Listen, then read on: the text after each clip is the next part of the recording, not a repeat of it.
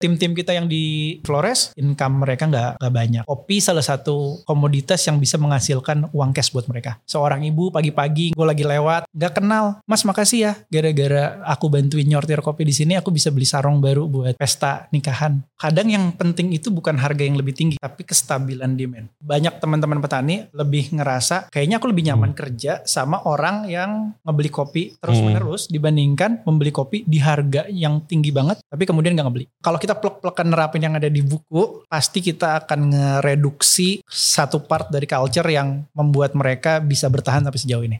Ada satu istilah tuh, istilahnya pendekar kopi. Gue ngerasa gak ada yang salah. Iya, biasanya yang begitu ya karena nggak tahu kondisi lapangan biasanya. Kondisi Antara dia lapangan. yang kebentur atau ditoyor sama orang.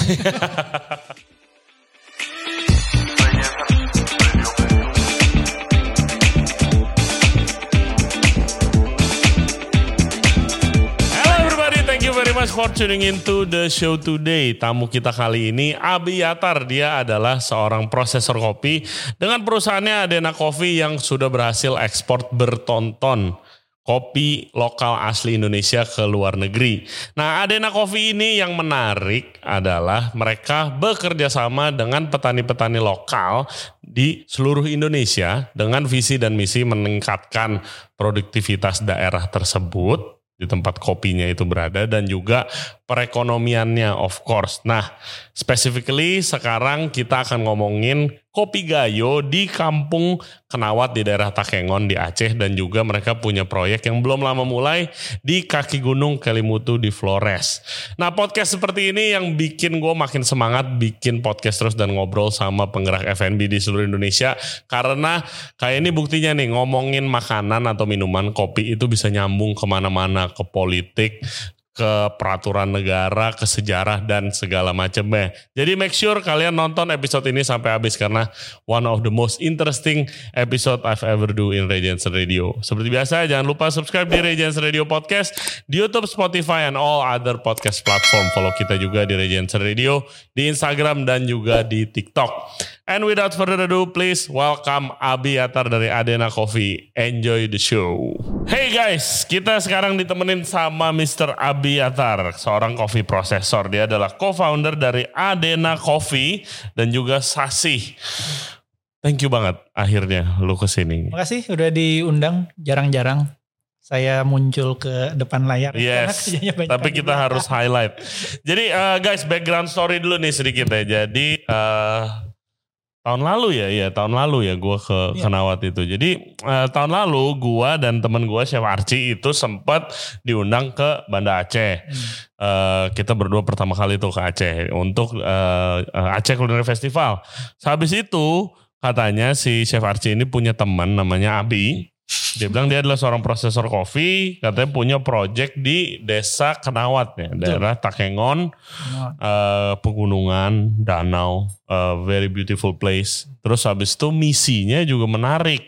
Nah hari ini kita akan bahas dan juga Hmm. tentang project-project di sana. Jadi kita di sana kenalan nama Bang Fahman namanya itu, Fahman Yoga ya. iya friend and partner berarti ya. Betul, dia Iya. tim lokal Adena di setiap origin. Yes, terus habis itu dikasih tahu projectnya mulai dari uh, processing kopinya, penjemurannya sampai kita podcast di kebunnya, Di kebun kopi ya. kebun kopi itu gua berasa udah wanna die waktu udah mau mati. Padahal cuma 15 menit ngedaki Itu naik pick up berarti. naik pickup. Nah. Oh kalau jalan mah bisa seharian mas Kalau Hmm. gitu kita naik pickup paling setengah jam ke atas Terus jalannya cuma 10 menit Oh enteng dah Oh my god No Itu pelajaran pertama ya. Jangan percaya soal waktu jalan Iya. kaki sama orang-orang yang biasa jalan kaki jauh. Betul. Dan gue mata gue kebuka soal seberapa ribetnya, eh, seberapa apa ya banyaknya kerjaan yang dilakukan untuk secangkir kopi. yes, Iya sih. my god. Dan abis itu ya cangkir kopi yang kadang murah banget gitu. Gue kayak oh sampai segini gitu ya. Hmm. Very very excited to talk to you nih. Hmm. Oke, Yes. eh, mungkin buat yang belum pernah dengar Adena Coffee Hmm. itu apa? Kadang agak susah ngejelasin ya, tapi Hmm, biar gampang gini. Hmm, bayangkan ada tukang nasi goreng. Oke. Coffee shop itu tukang nasi gorengnya. Hmm. Nah gua supplier berasnya. Oh, ya. Ya, jadi supplier beras. supplier beras. Oke, Bahkan mentah berarti ya? supplier nasi, men- Oh, ya, iya. mentah. Jadi Hmm. kopi itu buah. Nah ini nih sengaja gua bawain. Ini ke mana nih kamera yang gitu? Ke mana aja? Ini. Sini boleh. Oh, Nah, Nah ini buah kopi buat teman-teman yang belum tahu. yang belum tahu, gua yakin pasti masih ada aja. Ah. Oh, ini kopi. Iya. Oke. Tapi sebagai gambaran kopi itu kayak melinjo lah. Hmm. Buah kopi seperti melinjo. Nah, eh, aku kerja bareng sama petani-petani kopi Mm-mm. di beberapa tempat di pegunungan di Indonesia karena banyak fokusnya ke pertanian kopi arabica. Iya. Kami eh, ngolah buah, terus ada beberapa rangkaian Mm-mm. sampai dia menjadi kopi siap sangrai. Which is green beans. Which is yang biasanya disebutnya green beans atau kopi mentah. Ini loh guys. Betul. Ini green beans. Yes, ini Ya. loh. Green beans. Ini di roasting. Ya disangrai. Eh di Iya, sangrai. iya, di roasting. Iya di sangrai. Di Di sangrai. roasting. Terus jadi istilahnya roasted beans, Iya. kopi matang. Habis itu digiling, Habis itu digiling. habis digiling ah, Diseduh. banyak tuh ya, seduh. entah dengan mesin espresso atau apa pun itu. Nah, tugasku adalah peranku coffee processor istilahnya. Hmm. Coffee processor itu mengubah kopi mentah, eh sorry, mengubah buah kopi menjadi kopi mentah siap sangrai. Hmm. Gitu. Tapi yang menarik bukan hanya itunya aja Hmm. processing kopinya, tapi dengan tempat-tempat dan juga misi dari eh, bisnis lu sendiri. Iya, Yes. betulnya. Karena Adena Kopi itu awalnya mulainya dari project skripsi gue. Oke. Project skripsi. Um, Lu ngambil apa? Sosiologi atau apa emang? ya betul. S1 Oke. sosiologi. Nah, make sense berarti. Oke. S1 sosiologi. um, di tahun 2011 Hmm. aku tuh barista. Ah. Cuman barista di sebuah coffee shop kecil di Jogja. Nama coffee shopnya Kamikoti. Sekarang udah nggak ada bahkan. Hmm. Itu di dekat alun-alun selatan Jogja. Hmm. Eh, motivasi kerjanya dulu cuman sekedar kayaknya asik ya kuliah sambil punya pemasukan. Hmm. Aku inget banget gaji, aku part time gaji pertama setelah satu bulan bekerja, berarti kan itu dibatasin 4 sampai 5 jam satu hari. Eh, Empat ratus ribu ya, Oke. empat ratus ribu. Dan Eh, itu seneng banget pasti. dan itu happy banget, happy banget. Dan aku waktu itu posisinya nggak minum kopi. Oke. Jadi bisa sampai minum kopi karena baca salah satu novelnya Andrea Hirata. Dia cerita dia pernah jadi barista di kedai kopi di kampungnya. Mm-mm. Tapi bukan barista sih sebetulnya. Lebih ke tukang racik kopi. Yaudah dia ceritain tentang ketemu orang dengan latar belakang kayak gini. Kalau PNS kecenderungan kopinya kayak gini. Kalau orang terpelajar kecenderungan kopinya kayak gitu. Buatku menarik banget dari sudut pandang sosiologi. Hmm. Nah, tapi seiring itu aku ngerasa, oh ternyata peluang industri kopi, sorry, eh, iya peluang in- ekosistem kopi membesar di waktu itu, kopi specialty ya, Hmm. Itu eh, terus bertumbuh. Terus aku mikir tuh di titik waktu itu di tahun 2014an, aku ngerasa kayaknya nggak bakat-bakat amat deh. Gue jadi barista. Karena nggak bisa tuh suruh bikin cappuccino sambil, mas bisa ambilin ini, mas saya mau pesen itu. Wah udah meledak Hmm. kepala gue tuh. Hmm. Um, jadi gue pikir apa ya yang bisa gue lakukan di industri ini tapi terus relevan dengan perkembangan industri ini. Dan yang gue lakukan adalah gue ngambil skripsi temanya kopi. Hmm. Pilihannya waktu itu antara di Gayo atau di Toraja. Kenapa di antara Gayo atau Toraja? Karena gue pernah jalan-jalan ke sana. Hmm. Terus singkat cerita akhirnya bisa ke Gayo. Jadi eh, gue pagi sampai sore itu wawancara orang untuk eh, kebutuhan data skripsi gue. Sore sampai malam itu kerja di coffee shop tempat gue nebeng tinggal. Dua bulan tuh kayak gitu. Hmm. Yaudah dari, di- dari situ terus semakin banyak orang-orang yang gue kenal di industri ini. Makin beragam yang bisa gue lihat di industri kopi. Dari situ ya gue ngerasa, oh ternyata ada hal lain selain barista yang bisa gue kerjakan gitu. Hmm. Jadi kalau ditanya apa yang gue lakukan dan gimana gue memulai semuanya, lebih banyak kebetulannya. Karena gue memulai ketika industrinya belum banyak yang terjun di dalamnya.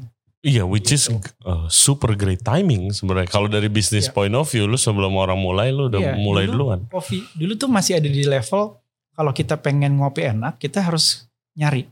Hmm. Let's say misalnya, Atau orang belum kepikiran sama sekali bikin kopi en, uh, minum kopi enak. betul, Cuma yang ngopi. betul.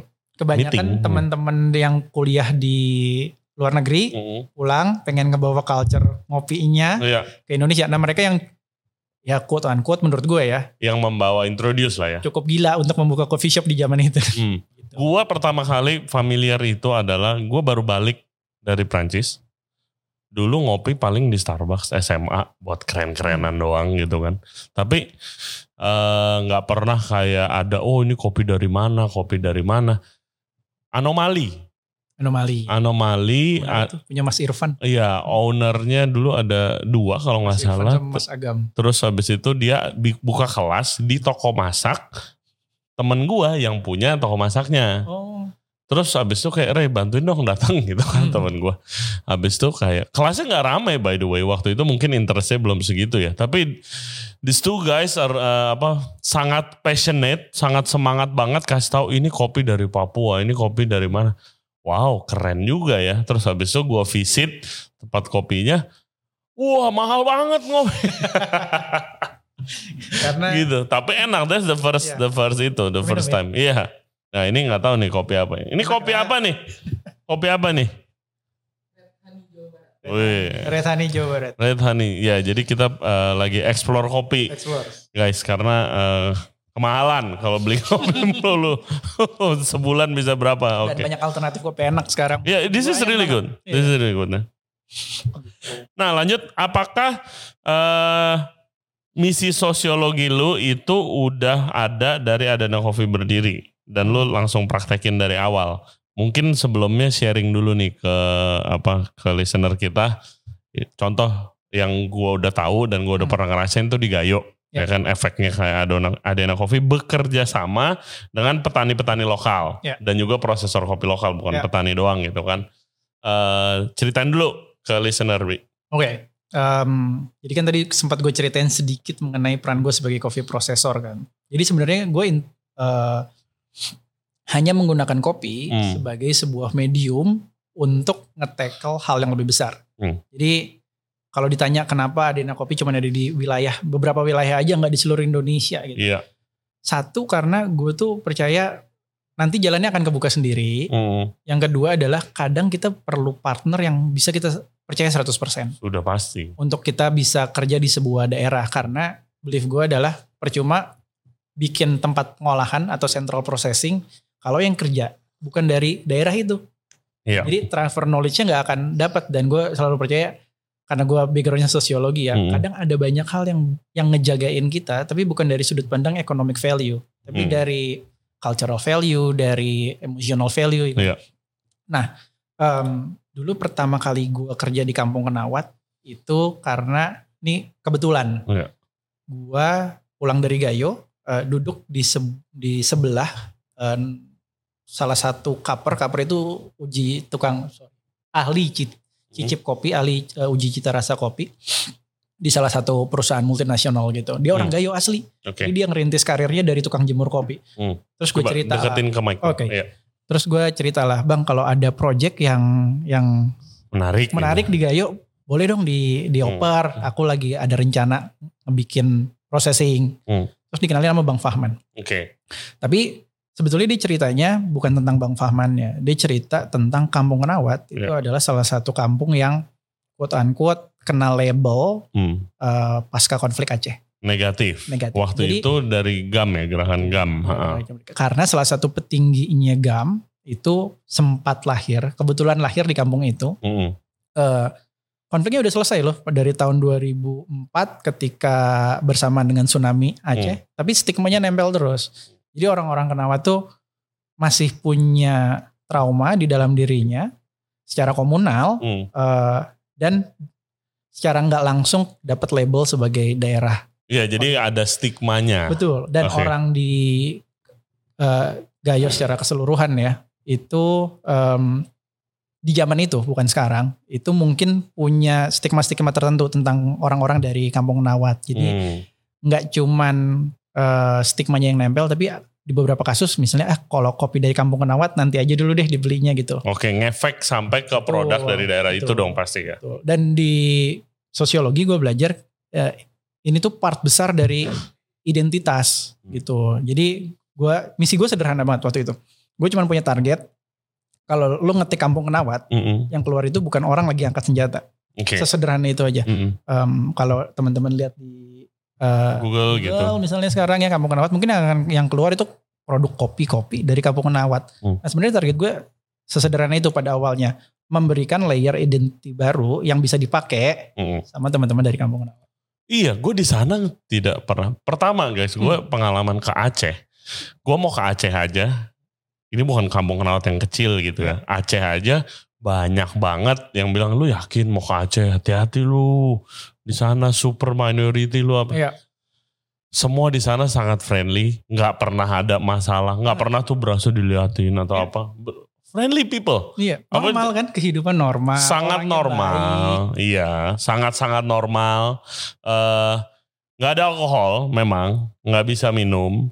Eh orang malam gue sempet culture shock itu jam setengah 12 Setengah 12 malam. setengah 12 terus ada yang nemenin kita kan Ya. kayak LO-nya gitu terus apa eh gue nanya kita nongkrong di mana Hmm. kita mau ngobrol-ngobrol nih nongkrong malam-malam oh ngopi biasanya Loh, Hmm. Oke, jam 12 malam ngopi ke tempat kafe gitu, full, nggak bisa tidur sampai jam setengah empat pagi malam-malam ngopi. Tapi kopi, eh, warung kedai kopi mereka bilang. iya, kedai, kedai. Buka kedai. 24 jam kan di sana. Iya. Dan kita biasa kadang biasanya bisa tahu tuh kedai kopi yang enak Hmm. itu yang justru bukanya 24 jam. Oke, iya, dibilangin Iya kan? begitu juga, Karena dibilangin. air gitu. godokannya itu dipakai terus menerus. Ah, I see, I see. Kayak orang yang jualan apa sih? eh, stok di Thailand itu yang nggak pernah mati. Iya, iya, iya. Makin lama makin enak gitu kan. Terus habis itu gue ke Kampung Kenawat, Hmm. tempatnya bagus banget, indah, Bagus pegunungan, ada danau, Iya, laut fotonya. tawar waktu itu ada fotonya gak? Ada deh fotonya. Bagus banget di Ah, ini dia. ini foto danaunya. Yes, bahkan kita waktu itu beli ikan dari eh, dekat sini, Hmm. ikan nila kita goreng di kebun kopi. My God. Terong anggur kalau Pakai terong anggur, kayak terong Belanda bilang. gitu. Terong Belanda. Kalau eh, chef-chef Jakarta, Tamario bilang ya. Mario. My God, it's so good, so good. Enak banget. Wah, itu one of the best lunch ever sih. Di Oh iya? tengah gunung di kebun kopi. Karena capek kali. karena capek lapar. Dan ikannya sangat fresh di Hmm. sini. Nggak ada bau tanahnya kayak ikan-ikan di Jakarta ya. Iya. Dan di Kampung Kenawat, eh, iya gue lihatnya cuma prosesor kopi. Ya. Dan juga paling jualan tembakau. Iya, Oh ya? orang jualan tembakau Hmm. gitu. Di pasarnya ada rumah makan soto yang gue datang. Udah gitu aja, everybody really friendly. Ya. Gue lewat aja disapa, eh mas, gitu Hmm. segala macam. I felt really good there. Iya. Safe, of course safe. Nggak ada stigma-stigma itu nggak ada gitu kan. Iya. Mm. Emang bener sih. Ibuku juga nanya hal yang sama. Pertama Hmm. kali ke aku ke sana 2014, Hmm. 2013, 2013 pertama kali. Mm. Iya. Dan memang masih ada bayangan itu di benakku tentang konflik, tentang orang gayo begini dan begitu ya. Iya. Tapi sebetulnya enggak ya. Gitu. Yes. Wah, dan mereka uniknya mereka eh, seluruh seluruh orang Aceh ya lah Hmm. yang yang gua ngomong itu dia tahu loh stigma itu. Mereka tahu stigma itu. Mereka nanya ke kita Hmm. waktu di sana. Mas gimana di sini berasanya gitu. Gue sebagai eh, Chinese Indonesian Hmm. gitu kan. Hah, gua gua aja sampai bingung ditanya gitu, hah? Biasa aja, Mas. Biasa aja, seru-seru aja, semua orang baik. Iya. Iya kan nggak ada di sini yang kayak begitu. Itu tuh orang-orang. Hmm. Bahkan ada mereka punya konspirasi sendirilah dari mana itu stigma itu datangnya. Itu ada daerah lain lah Hmm. tuh yang biar turisme mereka naik, kita enggak wisatanya katanya Hmm. gitu. Macam-macam. Susah ya. Karena Hmm. yang gue pelajarin memang konflik itu tidak pernah menyisakan ruang yang cukup Hmm. untuk mereka yang terdampak atau korbannya Iya. melakukan sesuatu itu yang hal yang paling gila dari konflik Hmm. sebetulnya gitu kak reproduksi ketakutannya itu tuh yang Iya. luar biasa nah balik lagi ke kopi nah Iya. gue berusaha untuk membuka sekat-sekat itu lewat kopi Dengan apa caranya waktu pertama kali pengalaman lo? waktu pertama kali sesederhana gue mengajak Fahman Heeh. meyakinkan dia untuk bang bikin kopi yang bagus dengan standar tertentu kita coba jualan Terbuka gak sih kayak eh yang di sana? Terbuka gak sih kalau misalnya ada nih kayak lu Hmm. dari Jakarta kayak ngasih tahu ngasih tahu Hmm. gitu loh. Ini yang bener gini gini gini mungkin kan eh, cara lu cara lu eh, nanam kopi dan processing kopi yang mungkin udah turun temurun, dibenerin, diubah-ubah gitu gimana? Eh, tadi tuh sempat kita sebelum take ada satu istilah tuh yang lagi bu- mungkin bukan lagi ngetren ya mungkin beberapa waktu belakangan ngetren di teman-teman yang main kopi istilahnya pendekar kopi itu Yes. Nah, iya betul itu dia. Em, gua rasa tuh memang di setiap hal fase seperti itu tuh ada Re. Hmm. jadi kadang kita pengen oh kalau dari buku yang gue baca ngolah kopi harusnya begini Iya. Pak kalau kopi di usia 2 tahun harusnya dipangkasnya kayak gini nih Pak. Hmm. Dan begini dan begitu. Tapi makin banyak gue pergi ke kebun kopi, makin kontekstual. Makin gue belajar kayak Iya dong kan agriculture different. itu part besar, eh part yang kecil dari culture, dari Hmm. kebudayaan. Dan kebudayaan itu cuman bagian, itu way of life. Jadi Hmm. bukan sesuatu yang ditampilkan dalam bentuk tarian, baju atau apa pun itu. Way of life. Jadi secara nggak langsung kita bisa bilang kalau agriculture itu biasanya sifatnya lokal sama kontekstual. Maksud gua lokal sama kontekstual, iklim berubah. Tergantung daerah sono biasanya apa gitu Persis, segala macam persis. ya. Jadi gua ngelihat di Indonesia ya Hmm. kebanyakan yang kalau kita plek-plekan nerapin yang ada di buku pertanian kopi Hmm. langsung kita aplikasikan ke lapangan bukannya nggak bisa tapi pasti kita akan ngereduksi satu part dari culture yang membuat mereka bisa bertahan sampai sejauh ini. Iya. Jadi makin ke sini gua ngerasa nggak ada yang salah dengan fase pendekaran-pendekaran banyak teman-teman Hmm. tapi pada suatu titik akan belajar hal yang berbeda sih. Iya, biasanya yang begitu ya karena nggak tahu kondisi lapangan biasanya. Persis. Nggak tahu persis kondisi Antara lapangan. yang kebentur atau ditoyor sama orang. Biasanya gitu. Tapi pengalaman lu terbuka. Eh, Kayak misalnya seperti Bang Fahman gitu Iya. langsung kayak oh ayo mungkin gue beruntung karena Bang Fahman salah satu orang yang very open minded. Yes. anak muda. Heeh. Terus dia punya banyak banget kenalan ke sana Hmm, hmm. eh, di sana dan mau belajar. Jadi itu kenapa gue nggak pernah memaksakan kenapa kenapa nggak bikin di daerah sini kenapa Hmm. nggak bikin di daerah sana. Menurut gue menemukan partner yang tepat itu jauh lebih penting di awal Iya. dibandingkan memulai sesuatu langsung besar gitu. Iya, Nah, in, in everything, yes. dan itu bergulir gitu. Um, gue sama Fahman tuh mengerjakan sesuatu by progress dari waktu ke waktu sampai kita nyampe ke titik-titik milestone yang kita ngerasa wah ini nggak masuk akal nih kita ada di level ini sebetulnya kayak Hmm, contoh. kita menang kita dapat top 10 cup of excellence dengan kopi giling basah dari Sumatera. Wow, kopi Gitu. giling basah. Ah, Apa itu? ini technical dikit tapi nggak apa-apa. Nggak apa-apa dong. Wow, I love technical. Apalagi yang gua nggak ngerti. Ini ini Kopi, biar cherry. kopi. Iya. Uh, kopi dipetik sama petani biasanya Hmm. nggak semuanya merah makanya kita harus sortir Iya. dan untuk memastikan ripe-nya Hmm. si buah kopi Iya, kematangannya kayak- iya, iya, pas iya. lah ya. Ya, kayak mau bikin marinara tapi tomatnya yang merah semua Hmm. Dan dipetikin kan? dipetik Nggak Terus pakai mesin guys. kalau di Indonesia nggak karena Iya. kontur kita terlalu Crazy. Udah gitu miring banget. Metikin satu tangan nih buat kopi. Satu-satu buat kopi lu tiap pagi. terus Terus? ini em, pengupasan pengupasan kopi Oke. setelah di jadi buah eh dari buah Dikupas. dikupas diambil bijinya Mm-mm. eh, terus setelah itu kopinya difermentasi sebetulnya Hmm. fermentasi itu mm, sebetulnya kayak wine, kayak anggur. Kopi itu ada taninnya. Oke. Taninnya itu yang ngebikin daging buah kopi melekat sama biji kopi. Ah, Dan itu cuma bisa dihilangin lewat microbes yang makan. fermentasi. fermentasi, Itu dimasukin di karung ya biasanya? ada banyak Oh. cara sebetulnya. Makin ke sini makin bisa kita desain bagaimana cara eh, fermentasi yang yang mau menghasilkan flavor notes tertentu. Oke. Um, tapi kalau proses tradisional biasanya ditaruh di karung atau di Hmm. keranjang, dibiarin satu malam, mungkin 8 sampai 12 jam. Habis itu dicuci. Oh. Setelah dicuci, kita dapat biji kopi yang udah keset tuh. Bentuknya Hmm. kayak gabah beras. Oke. Kayak gabah beras. Nah, dari gabah beras itu kita kalau di Sumatera karena mereka panen dua Sumatera Gayo gitu ya Hmm. karena karena mereka dekat sama danau, hujannya banyak. Mereka punya panen dua kali setahun Oke. kalau lu punya produksi yang besar banget, berarti pengolahannya harus cepat. Hmm. Pengolahan harus cepat. Orang Sumatera itu nyiptain satu mesin namanya mesin giling basah. Mesin giling basah. Pada Biasanya di luar Sumatera mungkin dijemur kering, dulunya dijemur dulu. Dijemur dalam gabah Oke. sampai kering. Oke, jadi Kering udah jadi itu- begini baru digiling. Eh bukan. Masih ada kulit tanduknya. Mas- Oh, kayak beras. oke. Terus kayak beras. Eh, masih ada kulit tanduknya terus dikupas. Itu istilahnya giling kering atau dry hull. Oke. Nah, kalau di Sumatera, mereka ciptain satu mesin yang bisa mengupas dalam kondisi setengah basah. Hmm.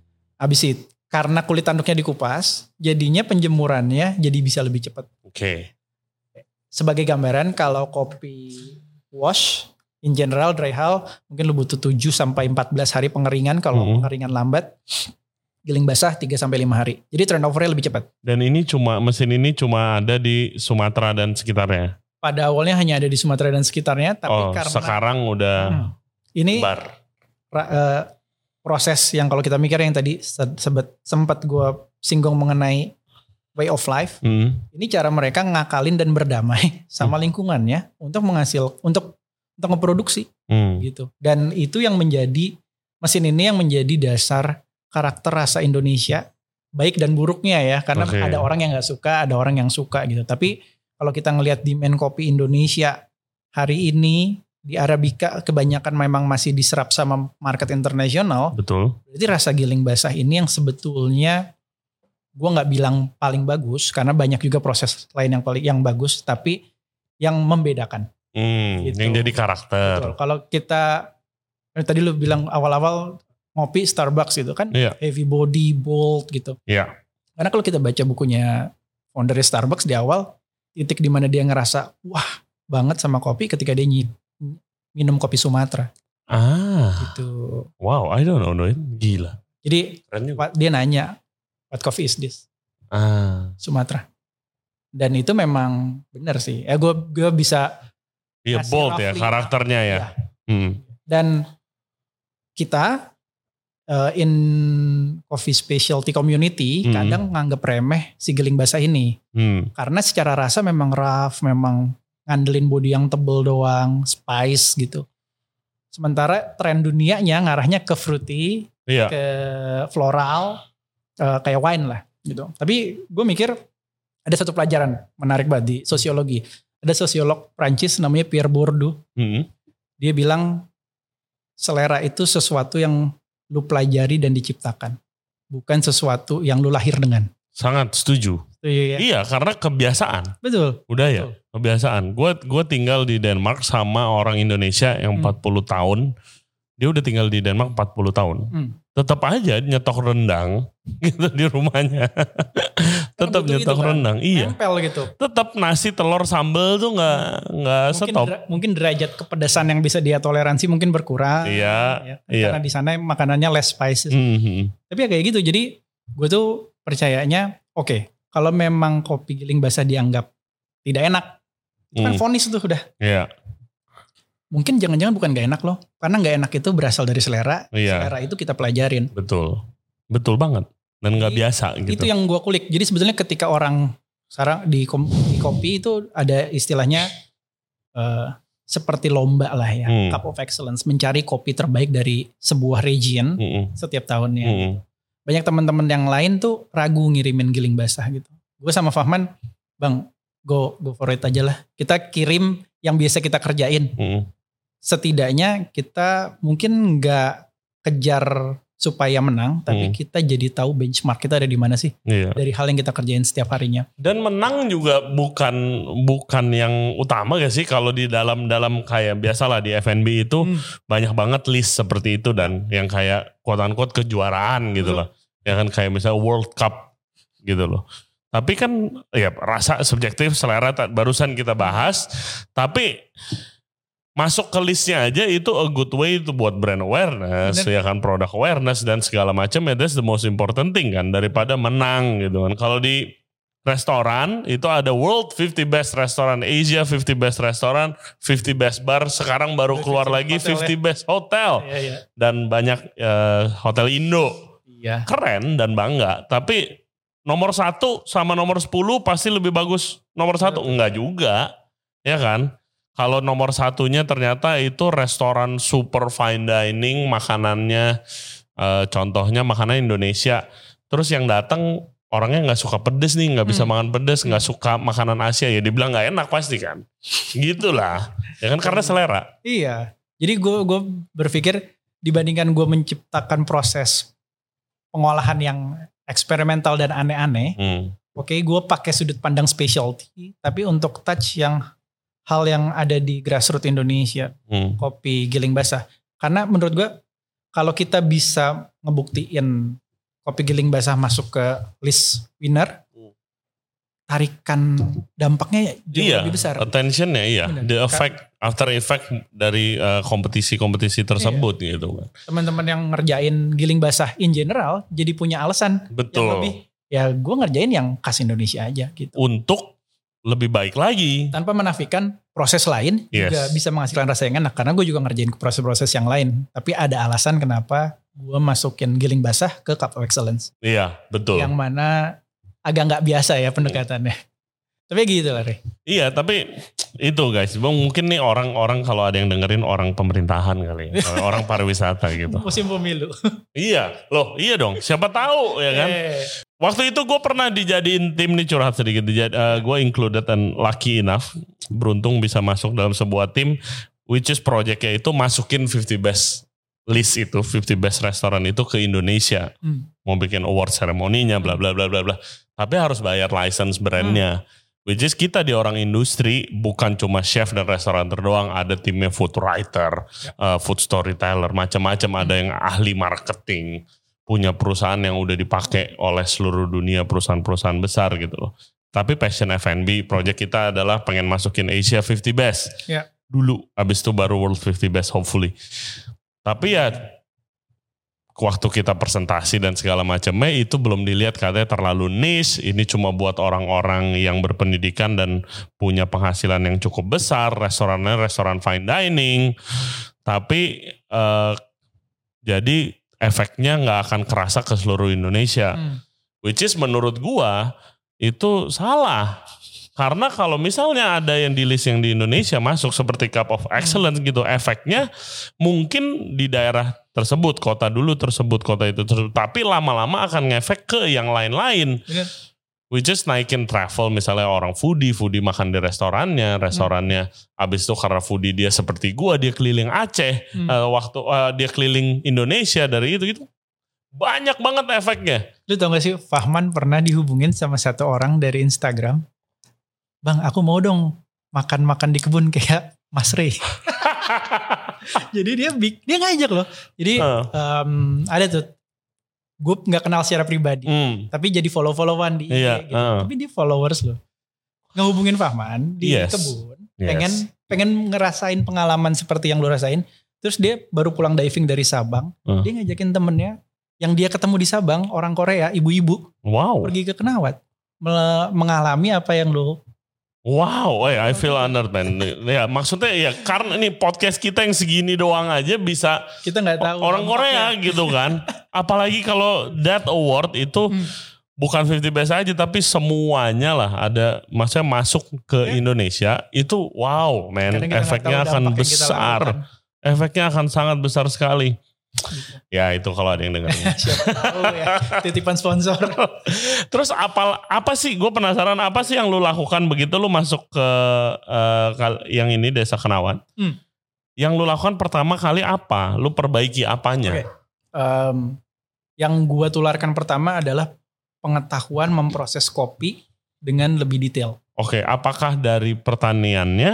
Eh, Processingnya. Oke, processingnya. Proses panennya. Jadi eh, misalnya mereka biasanya ngolah kopi Hmm, disortir Oke, buah ceri yang Hmm. hijau dan yang merah. Oke untuk hajar aja. tentu kita perlu yang merah aja ya bang. Hmm. Dan itu progresnya bisa dibilang panjang ya. Nggak nggak nggak It take minta terus years, jadi gitu. Ya, Iya. of course. Iya, kita mulai dari Kadang di restoran sendiri, di bisnis Iya. sendiri aja ribet bener. benar. Dan Uh. gue percaya mulai dari kecil terus berkembang itu jauh lebih Ya, baik.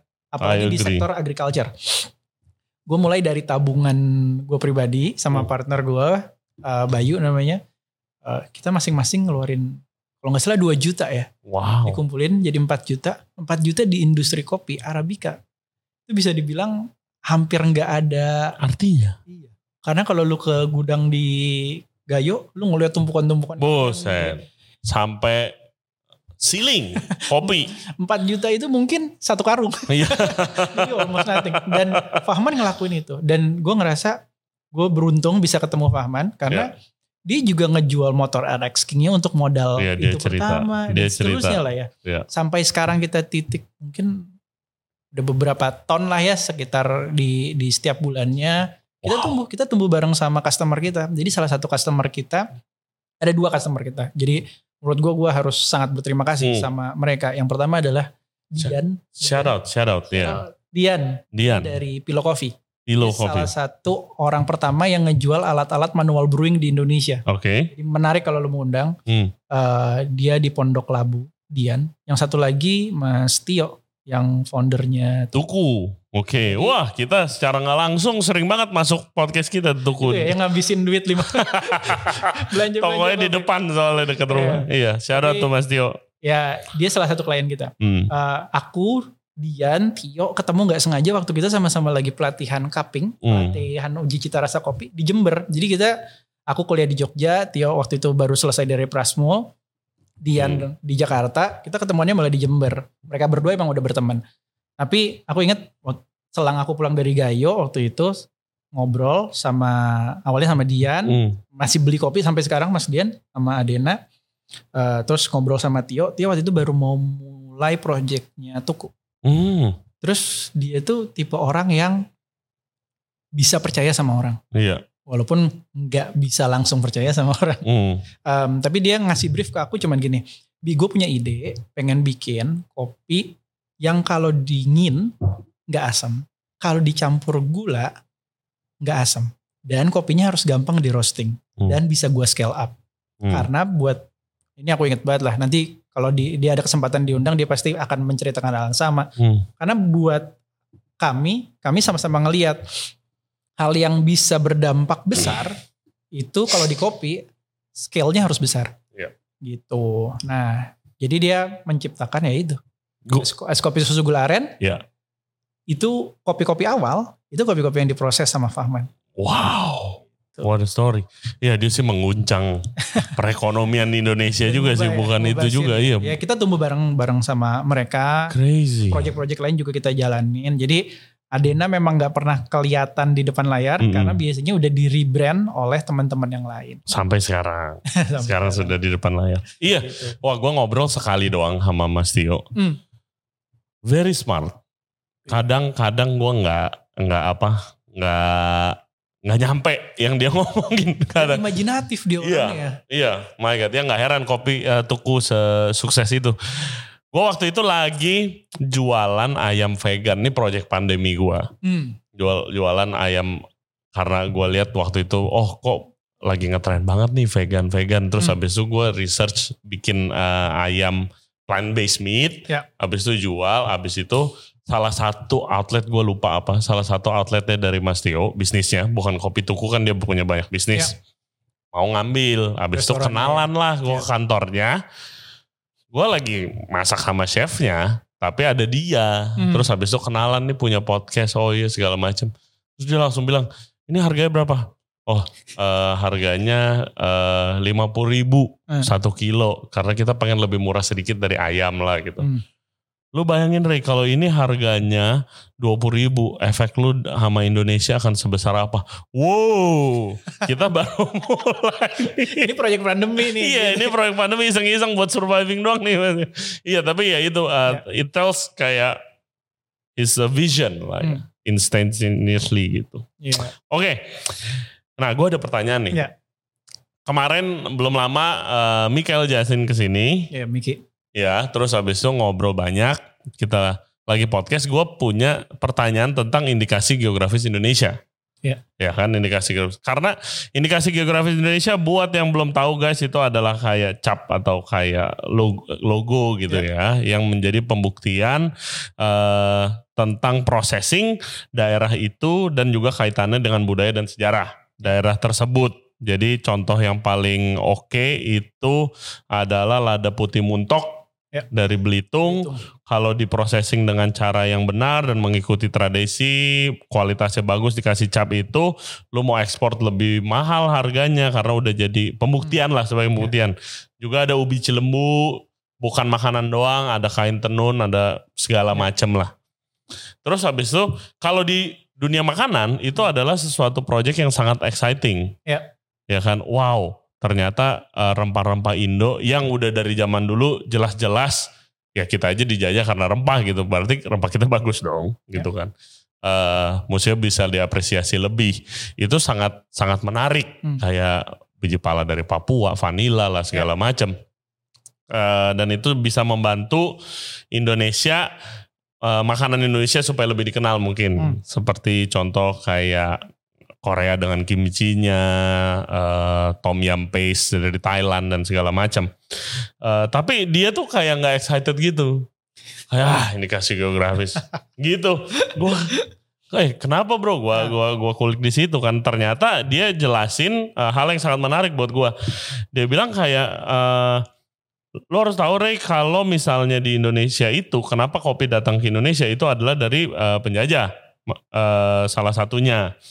Dan emang Indon dengan misi mereka datang ke sini dengan misi pengen cari kayak istilahnya bikin factory coffee sebesar-besarnya untuk dijual.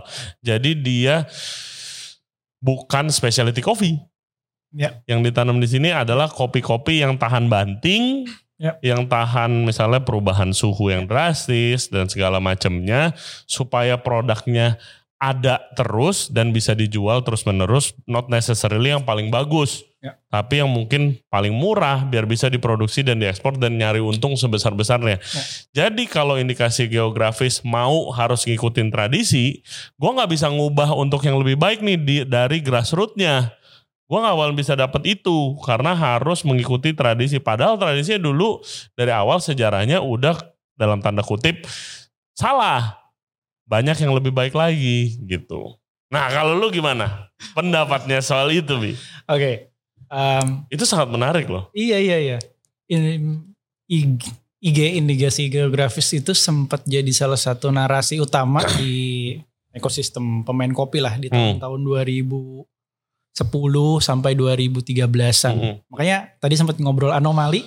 Anomali salah satu coffee shop yang cukup gila waktu itu karena mau ngangkat soal itu. Mm -hmm. Geografis ketika orang masih belum banyak mengerti mengenai itu. Mm. Sekarang juga belum. Sekarang sih. belum ya. Iya. Tapi udah lebih better. Oke. Okay. Um, gue sempat pernah punya project itu sama historia.id, mm. Mas Boni. Salah satu sejarawan tim tim repat gue takut salah istilahnya, tapi tim pengembalian benda-benda purbakala dan rampasan. Kalau kita sebagai orang Indonesia bisa Yang ada di museum-museum di luar negeri sana. Persis, persis. Wah, itu gua harus- gila banget. Harus undang tuh ke podcast. Nah, lu nanti gue kasih nomor telepon. Man. Ya, Iya. kita em, timnya dia pergi ke Arsip Nasional Republik Indonesia, Hmm. terus nemuin banyak banget catatan-catatan mengenai gimana Belanda berupaya membangun Indonesia waktu itu eh, Hindia Belanda jadi salah satu estate atau perkebunan yang influensial. Hmm. Jadi kalau Mas Boni nyeritinnya sederhana banget. Waktu itu Belanda entah dalam bentuk company atau dalam bentuk pemerintahan Hmm. udah sukses dengan project rempahnya di Indonesia bagian timur. Iya. Jawa mau diapain nih dengan Hmm. lahan sesusu- sesubur ini? Iya. Dataran tinggi mau diapain nih Iya. setelah dia bikin Batavia gitu. Jadi dia dia bikin project memang mengenai eh, gimana menjadikan Belanda waktu itu sebagai trader utama yang memonopoli perdagangan kopi. Karena Ah. dia sudah merasakan cuannya perdagangan rempah. rempah. Iya. Nah, proyek itu dilakukan di Jawa dan di sekitar-sekitar Jakarta waktu itu. Iya, Karena- berdasarkan research kita awalnya dulu bahkan di sekitaran Jakarta dan Jawa kopi-kopi itu.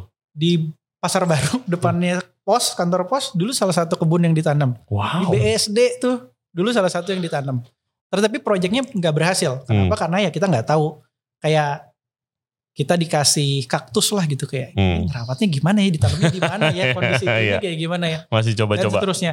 Em, Tapi project itu berhasil. Jadi em, dan kalau dilihat yang dibawa ke sini bibitnya itu memang beberapa jenis. Kalau di Hmm. teman-teman kopi itu bilangnya heirloom, kopi-kopi warisan atau kopi-kopi tipika zaman dulu gitu. Iya, yang belum berubah genetikanya Betul, segala macam. Jadi gue nggak, gue setuju dengan yang Miki bilang. Hmm. eh, karena setelah dari Jawa Barat, Jawa Barat itu by the way kebun kopi pertama di dunia. Yang Oke. sifatnya kebun. Kalau Hmm. sifatnya hutan kopi Hmm. itu di berasal dari Ethiopia kan. Hmm. Kopi gitu. Tapi yang berhasil menjadi kebun dan dikapitalisasi dan gede itu ya di Jawa Barat. Dari situ kemudian menyebar ke seluruhnya. Tapi menurut gua persebaran yang hampir lebih dari 100 tahun itu udah mewarnai daerahnya masing-masing. Iya betul. Dari sisi konsumsi dan pasti dari sisi produksi. Hmm. Jadi memang ada beberapa cara yang khas dari setiap daerah. Tapi kenapa indikasi geografis nggak gitu menarik di teman-teman kopi? Hmm. Karena kadang pembelinya tidak peduli. Dan Oke. teman-teman kopi sudah menemukan channel yang lain Hmm. untuk membuat kopinya bisa diapresiasi. Which is? istilah single origin Ah. yang di kopi dari indu- dari industri wine. Jadi sebetulnya industri kopi hari ini pijakannya ini, ini mungkin akan akan ada yang setuju ada yang nggak setuju gitu ya. Mhm. Tapi industri wine Iya iya, gue gua gua orang yang awam kopi aja ngelihat kayak oke, eh, gayanya ke arah sana. gayanya ke arah sana, which is really good Iya. karena udah kebukti di industri wine itu adalah eh, bisnis model yang sangat berhasil lah gitu, Hmm. strategi yang sangat berhasil. Gitu. Jadi indikasi geografis menurut gua lumayan menarik. Tapi waktu itu kelembagaannya agak tricky karena pembelinya belum jelas. Hmm. Siapa yang mau mengapresiasi sebesar itu. Jadi lebih banyak push factornya dibandingin pull factor dari sisi demand. Dan Dan itu yang gak bikin bisa jalan di industri kopi. mirip juga loh. Kayak misalnya kalau wine sekarang coffee mungkin lagi yang single origin yang kalau gue lihat ya, yang mahal-mahal itu lebih ke fruity. Hmm. Mungkin acidicnya sekarang udah bukan dibilang asam, Ya. tapi acidic, mungkin citrusy gitu. Di wine sekarang ke natural wine Iya bener. yang lebih asam, lebih light. Pakai local microbes. Yes, gitu Ya. segala. Di It's good industri thing. kopi lagi rame soal yaitu penggunaan commercial yeast Iya. compared to protection for local microbes. Hmm, iya lucunya gitu lah. lucunya guys, gue waktu di eh, desa Kenawat lagi ngopi, Hmm. dibikinin tuh nih coffee wine gitu kan sama sama Bang Fahman. Eh. Terus habis itu kita lagi minum, ya biasa lah ya orang Jakarta awam kopi, wah menarik banget, tuh. wah diskusi. Tapi si Bang Fahman nyeduh kopi biasa, kopi tubruk. Balik lagi ke selera yang paling Iya, gitu ya. Terus habis itu kayak, bang nggak minum ini bang, kok nggak minum yang bikin? Ah itu buat bisa-bisa orang Jakarta aja tuh digituin katanya ini lebih enak. iya, karena mungkin bosen aja dia udah Iya. minum itu keseringan. Hmm. ya shout out tuh Bang Fahman ya. Iya. Itu jadi lu di eh, Desa Kenawat itu Iya. udah berapa lama proyek? Di Kenawat kita mulai project dari 2015. Hmm. Di Flores kita mulai project 2017. Dan eh, kayak apakah kalau misalnya orderan ekspor tuh Hmm. yang banyak itu adalah kayak statement buat perusahaan seperti Adena Coffee kayak oke berarti kita berhasil nih gitu. Iya dan tidak. Kenapa tidak? Karena eh kenapa iya dulu? Karena demand terbesar kopi arabica memang masih oleh masyarakat dunia. Hmm. Eh, bukan berarti orang Indonesia nggak minum kopi arabica ya, Hmm. tapi gua rasa level of ekonomi Hmm. di Indonesia belum memungkinkan orang untuk Iya. membeli kopi arabica terus menerus. Hmm. Karena kalau kita ngomong kopi arabica Indonesia dari sisi produksi itu memang lebih mahal dari kopi Brazil misalnya Hmm. gitu. Jadinya kita nggak bisa konsumsi kopi semurah kalau kita beli kopi sase gitu. Hmm. Eh, Iya emang beda. Tadi beli kopi di sini mungkin harga secangkir kopi ini karena ini full arabica dugaan gua 3.500 Oke. maksimal 5.000 udah kopinya enak tuh kalau Hmm. kita minum kopi hitam tubruk doang 10 gram lah Hmm. air 180 mili gitu kalau robusta mungkin bisa sepertiganya gitu. Jadi Hmm. memang Faktor ekonomi Memang- memang dan itu. bisnis ya. ya bukannya kita nggak mau dan bukannya kita nggak suka menurut gue ya. Tapi ada opsi yang lebih terjangkau dengan level pendapatan tertentu. Iya, betul. gitu. Itu Betul. nggak bisa dipungkiri lah. Ya, isu-isu itu ada banget di ya produk-produk lokal Indonesia yang lain sih. Hmm. Kita sebagai user orang industri kita compare eh kita selalu complaining ikan Indonesia Ya. diekspor Hmm. Ke Singapura, China, Hong Kong, Jepang, Taiwan segala macam semua ikannya ikan Indonesia tuh Hmm. restoran-restoran Chinese banyak. Bahkan tuna Hmm. dari Indonesia. Iya. Eh, karena apalagi sejak Jepang ada problem dari nuklir itu kan. Hmm. Eh, tunanya tuna Indonesia tuh yang keren-keren di YouTube kalian lihat tuh. Wah kita nggak kedapetan. Gua ke pasar ikan aja kayak ya elah gua udah ke pasar ikan bangun pagi-pagi ikan kembung lagi, ikan selar lagi gitu kan. Sisa sisanya mana? Kayak Ya. yang bagus-bagus mana? Oh yang bagus-bagus udah di pabrik buat diekspor. Wah kita nggak kebagian. Tapi begitu kebagian tahu harganya mau jual uh, orang sini makan ikan 300 ribu, 200 ribu Ya. satu plate gitu. Biarpun udah di Jakarta Selatan restoran keren. Oh ini ikan beda kalau daging impor dengan gampang ya begitu. Nah ya itunya Iya. kita masih ada Itu di gue posisi pelajarin itu. di banyak dari kerja di banyak sisi agriculture. Hmm, Eh, kadang yang penting itu bukan harga yang lebih tinggi sebetulnya, hmm, tapi kestabilan demand. Oke. Eh, karena asymmetric information di level konsumen Hmm. sama di level produsen itu krusial bahkan lebih penting dibandingkan pembelinya membeli di di harga yang mahal. Hmm. Lebih banyak teman-teman petani lebih lebih ngerasa kayaknya aku lebih nyaman kerja sama orang yang eh, ngebeli kopi ngebeli kopi terus Hmm. menerus dibandingkan membeli kopi di harga yang tinggi banget tapi kemudian nggak ngebeli. Oke. Bayangin. Nah Iya, iya. itu menurutku seni yang nggak banyak orang bisa pelajari dan Hmm. apresiasi karena tidak terdengar seksi. Iya.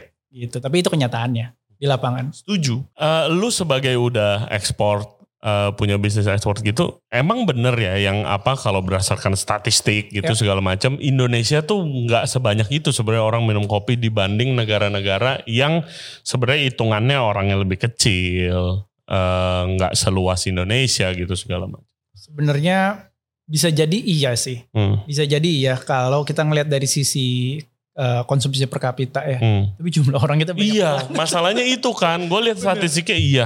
Tapi gue lihat at least di Jakarta, kalau at least ke kota-kota Ya. besar semua orang ngopi. Sekarang udah semua orang ngopi dan part of lifestyle. Iya, biarpun cuma sekali. Kalau di Prancis orang ngopi setiap makan, Nah, Eh, kecuali makan pagi. Makan pagi, tapi sebelumnya mungkin dia udah ngopi. Pokoknya ya berarti dari pagi sampai malam dia ngopi. Di US orang take away kopi berdiri sebelum kerja eh, sambil jalan gue lihat. Eh, ya di Indo ya orang meeting kalau nggak ambil kerja gitu bener. segala macam. Em, tapi pengalaman gue kekopian, kebanyakan minum kopi biasanya terjadi itu malah di daerah-daerah. Hmm. Kayak di Flores itu setiap kali kita pindah ke rumah petani pasti dikasihin kopi. Yes. Wah itu sampai ya, itu dia. Di. Sumba misalnya setiap kali kita mampir ngopi. Ngopi. Hmm, Wah itu betul. pengalaman-pengalaman kekopian biasanya terjadi di daerah-daerah tuh. Betul. Gua gua ya gua sejak ada podcast ini ternyata ya gua belajar ya kopi semenarik itulah ya apalagi cerita-cerita di di, uh, sekitarnya. di sekitarnya gitu. Dan gua gua believe as kayak there's an energy gitu loh. Kalau misalnya lu udah build something uh, kayak gue cukup yakin lu nggak akan begini kalau misalnya nggak apa kita nggak akan kenal kalau lu nggak decide eh, untuk buka Adena Coffee nih Hmm. ribet-ribetan habisin duit 4 juta Bang Fahman sampai jual motor Hmm. untuk nyoba gua bikin podcast Hmm. gitu loh seorang tukang masak tapi akhirnya ada jalannya di mana kita ketemu Ya. gitu loh dan bisa help each other out I think it's Ya. really cool gitu jadi ya moral of the story ya jangan takut untuk mulai gitu kan. Kadang gitu kan kadang idenya orang ada nih Iya, tapi kayak aduh mulai. Iya. eh ah, duit gue juga segini doang Iya. modal nggak ada gitu. Ada guys modalnya oh ya I mean find a way apa pun nih bisnis kopi 4 juta sekarang udah ekspor tontonan. Gue dulu cuma ya ilah gue cuma beli mic KW gue nggak ngerti. Yang jual mic aja nggak tahu apa itu podcast. Rusak mulu mic-nya Coba aja dulu ya memang Iya, ada iya. jalan sih. betul Oke. Lanjut sekarang lo lagi gedein proyek juga Hmm. in similar fashion Ya. itu di eh, daerah Flores. Ya. Kelimutu. Kelimutu Taman Nasional Kelimutu. Oke. Di Kaki Taman Nasional Kelimutu sisi selatannya. Jadi apakah udah ada template-nya dan lu pengen melakukan hal yang sama? Kalau misalkan dari sisi sosiologinya itu adalah kemarin eh, yang waktu di Gayo adalah desa Kenawat itu sendiri, lu pengen ngubah stigmanya. Kalau yang di sini? Kayaknya memang ada formulanya gitu ya. Hmm, Karena hmm. seperti gue memulai project di Flores, eh di sorry di Gayo ketemu sama orang di pesawat. Jadi Hmm. project Floresnya bermulai karena dimulai karena bokap gue duduk Bokap Di- lu duduk. travel menuju ke Bandung. Jadi bukan Oh. gue, bok- bokap gue duduk di seb- di sebelah nenek-nenek sama kakek-kakek pakai Hmm. sarung adat Flores Mm-mm. sama satu bapak-bapak. Oke. Bapak-bapak itu namanya Pak Ferdi yang sekarang jadi tim Adena di ND. Dia guru sekolah internasional di Tangerang. Terus dia mau pulang kampung. Hmm. Udah lama mikir kayak aku nanya akhirnya kayak dia cerita ke bokap terus bokap cerita ke aku, aku ketemuan sama dia. Terus dia sederhana banget yang membuat Adena memutuskan oke kita fight buat project ini di Flores. Dia bilang aku udah kelamaan ngebikin orang-orang anak-anak di kota pinter. Sekarang udah waktunya aku pulang kampung ngedidik anak-anak di kampungku. Damn. Gila kan? Kayak uh, merinding aku. Wow. Tapi em, visi dia memang seperti itu. Terus dia cerita memang di kampungnya ada kopi gitu. Kecil, nggak ada pembeli lain. Jadi Adena sampai saat ini single off taker di kampung itu. Eh, nama kampungnya Kampung Sokoria. Hmm. Tapi karena di Sokoria ada pembangunan geotermal, akhirnya kita sedikit melipir ke kampung lain namanya Kampung Toba. Hmm. Bukan Danau Toba ya. Kampung Toba. Kampung Toba. Wah. Itu itu kan dulu kalau kita ngelihat eh, di Google Map kampungnya itu nggak ada jalan. Kampungnya ada, jalan ke sananya nggak ada. Tapi ini ini project kita di sana. Ini ini orang-orangnya, ini ibu ibu yang bantuin kita nyortir kopi di sana. Hmm. Ini rumah kebun kita. Rumah kebun. rumah kebun di sana. Gitu, dibikin dari bambu pakai atap. Ah. gitu. Lebih modern daripada yang di Kenawat ya rumah kebunnya. waktu. Iya. Rumah kebunnya. Kalau itu kan beneran rumah kebun. Iya kalau Ini itu OG. Tim, tim pengolahan kopi kita di sana. Oke. Em, eh, banyak cerita lah di, Hmm. di Flores. Adena banyak cerita mengenai social impact, mengenai lingkungan. Kita belajar banyak banget dari teman-teman di sana. Ini salah satu tim awal kita di sana. Ini lagi Lagi menjemur Jemur? kopi. Lagi menjemur kopi. lagi Lagi menjemur kopi. Terus Oke. ini ini kita dikenalkan sama satu babo. Kalau orang di sana bilangnya kakek itu di bahasa Leo babo. Namanya Babo. Gab, panggilannya Babo Gabe, tapi nama aslinya Gabriel. Mm. Dia itu eh, punya hmm, keterbatasan, tangannya selalu geter. Oke, Parkinson. Kemungkinan besar Parkinson. Hmm, hmm. Tapi dia nggak pernah periksain. Iya, oke, tangannya getar lah Iya, pokoknya. tapi tangannya getar. Jadi satu-satunya pekerjaan yang dia bisa bantu di pengolahan adena di sana itu ngebolak-balik kopi. Karena kan kalau lu ngebolak-balik kopi kan getar pun nggak apa-apa kan. Hmm. Malah lebih bagus karena jadi bisa kebalik. Dan dia, dan dia happy dengan pekerjaan itu. Jadi gue sampai memastikan nggak apa-apa nih kerjanya ini udah tua gitu kan. Hmm. Nggak apa-apa, nggak apa-apa gitu. Nah adena di sini karena itu kampung adat. Jadi mereka nggak punya konsep private property. Hmm. Maksudnya kita nggak bisa nyewa lahan, kita nggak bisa beli lahan. Jadi Adena kerja di sana itu dianggap sebagai anak adat. Hmm. Nah, eh, kita kalau di adat mereka ada satu hmm, istilah namanya turajaji, perjanjian antara leluhur, alam dan manusia. Nah, Adena itu part dari itu. Jadi mereka Flores itu di di, di Leo ya, nggak punya sistem raja sistemnya masyarakat egaliter Hmm. gitu. Jadi mereka nggak punya private property. Adena dipinjemin lahan di sana di satu area eh, kuburan leluhur gitu. Jadi di di sana mereka ngerasa leluhur itu ya part yang terus hidup bersama mereka gitu. Iya. Dan dan pengolahan eh, kopi kita di sana, duh sayangnya nggak ada ya fotonya tapi nanti aku bisa kirimin. Iya. Jadi ada greenhouse tempat kita ngejemur kopi, di depannya ada kuburan leluhur. Uh. Itu buatku unik banget project kita di Flores dan kita punya di rumah yang tadi, yang di rumah kebun itu. Dan punya- itu saying something gak sih? Sorry gue potong. Tapi saying something gak sih kalau lu dekat kuburan leluhur, leluhur aja boleh dikasih tempat di situ. Berarti kalau dari gue mungkin sudah dipercaya lah. Hmm, Iya. kan? Iya. Iya. sebenarnya itu titik di mana gue ngerasa, wah ternyata kopi bisa ngebawa gue ke jauh ya, Iya. ke banyak hal ya. Wah jauh banget itu tempat. Kerja sama orang-orang yang yang punya background yang sama sekali berbeda. Tim-tim kita yang di di Flores banyak yang bekas TKI ilegal. Hmm. Mohon maaf ya, tapi Iya. itu kenyataannya Iya. di banyak isu human trafficking di Nusa Tenggara Timur memang cukup besar. Mm-mm. Eh, teman-teman nggak nggak bisa menafikan itu sih memang Iya. karena source of cash buat income mereka nggak nggak banyak. Mm. Kopi salah satu komoditas yang bisa menghasilkan uang cash buat mereka. Hmm. Teman-teman kita di Nusa Tenggara Timur kebanyakan di, di Pulau Flores itu nggak pernah kelaparan Iya. walaupun angka kemiskinannya dianggap tinggi sama pemerintah kita gitu tapi mereka punya rumah Punya rumah, kebun, punya makan, iya. bisa makan kenyang Aman. gitu aman mau kayak enak Iya. tapi em, kopi salah satu komoditas yang bisa menghasilkan Iya. pendapatan dalam rupa uang cash buat mereka nah mereka pakai itu biasanya buat nyekolahin anaknya Hmm. buat keperluan mendadak pemer- eh, sakit Iya. bayar listrik dan seterusnya lah. Nah, eh, Adena punya privilege sangat besar untuk bekerja dengan teman-teman di sana. Adena bukan company yang paling besar yang bekerja, tapi kita ini timbal balik sih. Tapi buat aku, aku ngerasa sangat em, terhormat untuk bisa kerja di sana, kenal sama masyarakat adat di Iya. kampung itu, Iya.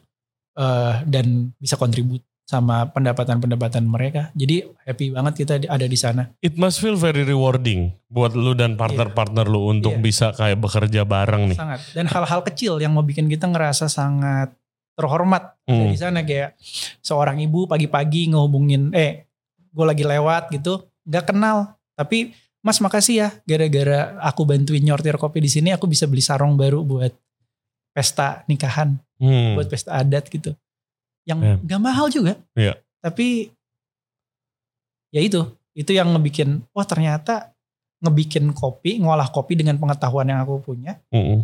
lebih daripada cuman ngebikin kopinya jadi enak Hmm. dan cerita-cerita yang berkesan kayak gitu itu kan yang nempel kan di Iya. kita ya maksudnya nge-shape kita juga gitu untuk Iya. terus yakin oh yang kita lakuin ini ternyata On the right track. on the right track Betul. Bukan hanya dari segi bisnisnya doang, Pada- tapi impactnya. Pada akhirnya Setuju. enak nggak enak jadi nggak penting lagi Re. Hmm. tapi eh ya enak nggak enak mungkin bukan nggak penting ya Hmm. tapi itu bare minimum Apa yang lu kejar? Grow the business? Apa impactnya sebenarnya? bahkan mungkin nggak dua-duanya Re. Hmm. Em, kadang tuh gue ngerasa yang gue lakuin itu ketemu jalannya aja gitu Hmm. dan hal-hal kecil kayak gitu yang terus ngasih ngasih percikan semangat gitu ya Iya. kadang kadang nggak semangat nih kayak bisnisnya makin complicated makin Oh iya. annoying ya Oh, Eh, gue berasa banget di podcast ini sih. pasti Gitu. kan tim makin besar kayak dulu awalnya happy happy aja tapi harus harus ada orang yang kita hidupin dari dari Iya. bisnis ini gitu Heeh. Em, tapi itu satu hal yang yang sangat menyenangkan Hmm. tapi gue kebetulan orang yang suka banget jalan-jalan dan Iya. gampang kalau kalau Iwan Fals di sebuah wawancaranya pernah dibilang gampang tersentuh sama hal-hal yang kecil Nah, nah mungkin gue orang yang sama kayak gitu jadi kayak nge- ngedengar ibu itu ngomong kayak gitu ngelihat Bang Fahman sekarang bisa punya gudang yang bagus di iya. Nawat kita gue jadi bisa ketemu lu Heeh. akan mulai project di Bali dari Hmm. level farm Wow. pernah punya kenalan di Lintong punya project kecil di sana mungkin itu ya maksudnya kalau ditanya gambaran gedenya kayak gimana ya Aduh, 8 tahun yang lalu ketika mulai ini semua gue nggak kebayang sih ada di Exactly. di dampak yang kayak gini tapi Hmm. gue tuh selalu ngerasa wah hidup tuh kadang jauh lebih ajaib daripada yang diimajinasikan Hmm. gitu Iya, sih. betul. Jadi itu yang ngedorong terus gue sih. Kayak gitu. Nah cerita-cerita mengesankan itu yang udah beyond dari rasa. Iya. Itu yang gue eh, jadikan satu proyek yang terpisah dari Adena. Itu Hmm. Sasi. Yes, sasi. Oke. Apa itu sasi? Ini lu bawa. Sasi itu bahasa Bali. Oke. bahasa Bali atau bahasa Jawa kuno juga bilangnya sasih. ya. Mm-mm. Itu bulan artinya. Mm-mm. Jadi Adena itu berasal dari satu kata di Kaimana, satu kabupaten kecil di Papua Barat, artinya ibu. Mm. Itu bahasa penuturnya udah udah hampir punah lah. Oke. Jadi gue kekalkan dengan nama Adena. Nah sasih itu artinya bulan reflection dari cahaya. Jadi gue ngebayangin eh, teman-teman yang ngerjain seperti yang gue lakukan di Indonesia itu makin banyak dan akan terus ngewarnain dinamika industri Oh, kopi. that's great. Bagus, bagus, Bagus banget, banget, happy banget. Mulai dari bukan cuman kita ngomongin anak muda ya, Hmm. tapi orang-orang tua yang kemudian punya alasan untuk balik ke kebun, Iya. orang tua yang abis berkarir banyak di Want to Jakarta, give back. terus Iya. pengen balik ke komunitasnya di kampung-kampungnya gitu. Cerita-cerita kayak gitu tuh kayaknya hmm, buat gua sayang aja kalau nggak sempat diceritain ke orang banyak. Iya. Jadi dan kalau gua nyerapnya dalam bentuk green bean, begitu nyampe ke roastery kadang mereka punya kebutuhan yang lain kayak mereka perlu branding dengan stylenya mereka gitu. Hmm. Nah Sasih itu project happy-happy gue aja. Kayak gue ketemu lu, terus gue, Ray, ini gue punya kopi nih. Ini kopi apaan, Bi?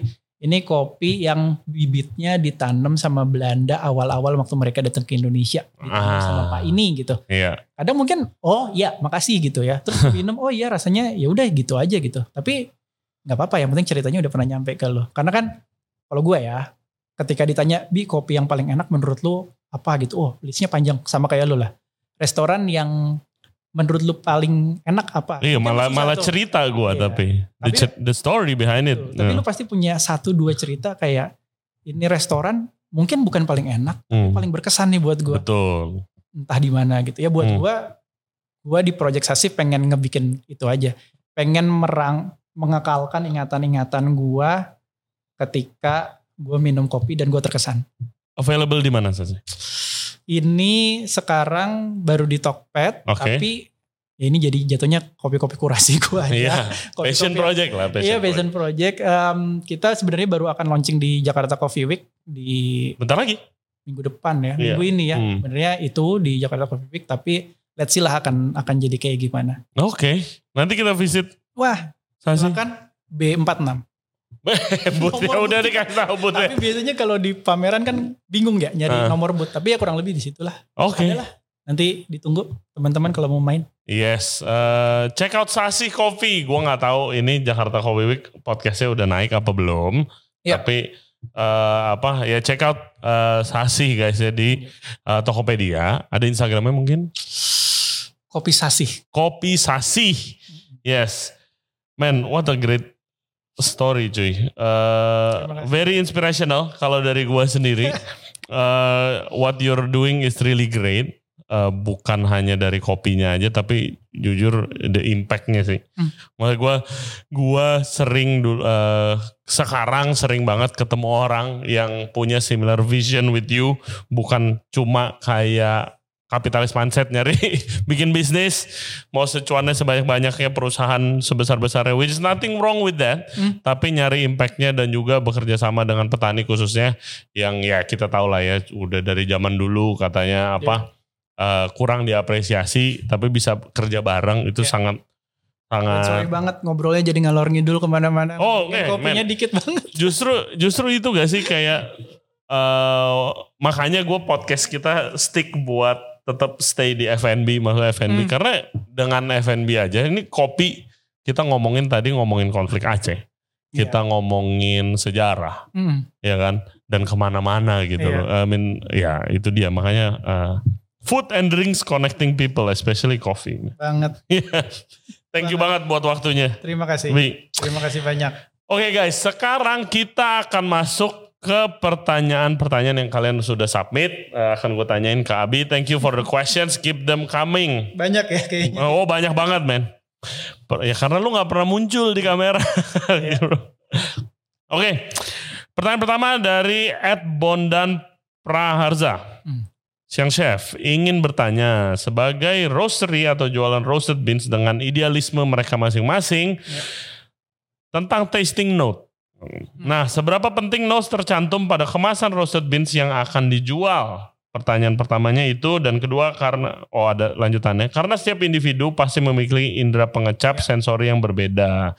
dengan kepekaannya. Seberapa penting tasting notes? Em, dua sisi. Satu dari sudut pandang yang ngejual Mm-mm. itu ngebantu dia memastikan apa yang jadi diferensial produk Ya, antara kopi dari Toraja yang Iya. A dengan Toraja yang B karena Betul. setiap tempat punya rasa beda, setiap batch, setiap gaya roasting punya Hmm. punya beda. Jadi sesimpel lumayan penting supaya ngasih gambaran ke orang yang mau nyoba kalau karena biji kopi ya biji kopi. betul ya dicoba, description lah. gitu. Mm. Tapi pertanyaannya juga valid mengenai kan kepekaan setiap orang beda Betul. gitu ya. Eh, jadi itu menurutku lebih ke pengalaman rasa sih ya. Mm. Bisa jadi nggak hit apa yang ditulis, tapi spektrumnya biasanya mirip-mirip. Mirip, Kayak white wine nggak mungkin setuju. tiba-tiba rasanya jadi red wine. Ya, Nah, kurang lebih kayak gitu. Kecuali ya yang jualan over promising atau under promising.